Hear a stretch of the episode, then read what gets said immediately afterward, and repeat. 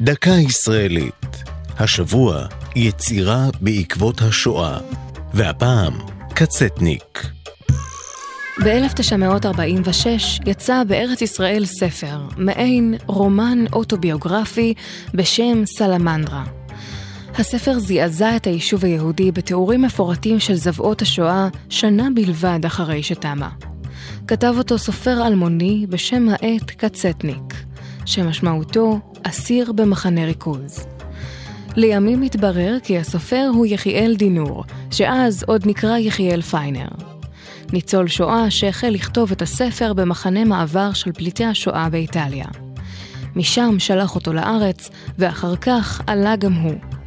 ששת הספרים בסדרה של דינור חשפו בפני הקורא העברי את אימי השואה, בתקופה שבה כמעט אף אחד לא דיבר עליה. דינור עצמו נותר אלמוני במשך שנים, ונחשף לראשונה במשפט אייכמן, כשנמנה עם העדים היחידים שבמהלך המלחמה פגשו את הפושע הנאצי פנים אל פנים. דינור לא עמד בשילוב החשיפה הפתאומית והאירועים הקשים שנאלץ לשחזר, התמוטט בבית המשפט ונאלץ להתאשפז למספר חודשים בבית חולים. יחיאל דינור הלך לעולמו בשנת 2001. זו הייתה דקה ישראלית על יצירה בעקבות השואה וקצטניק.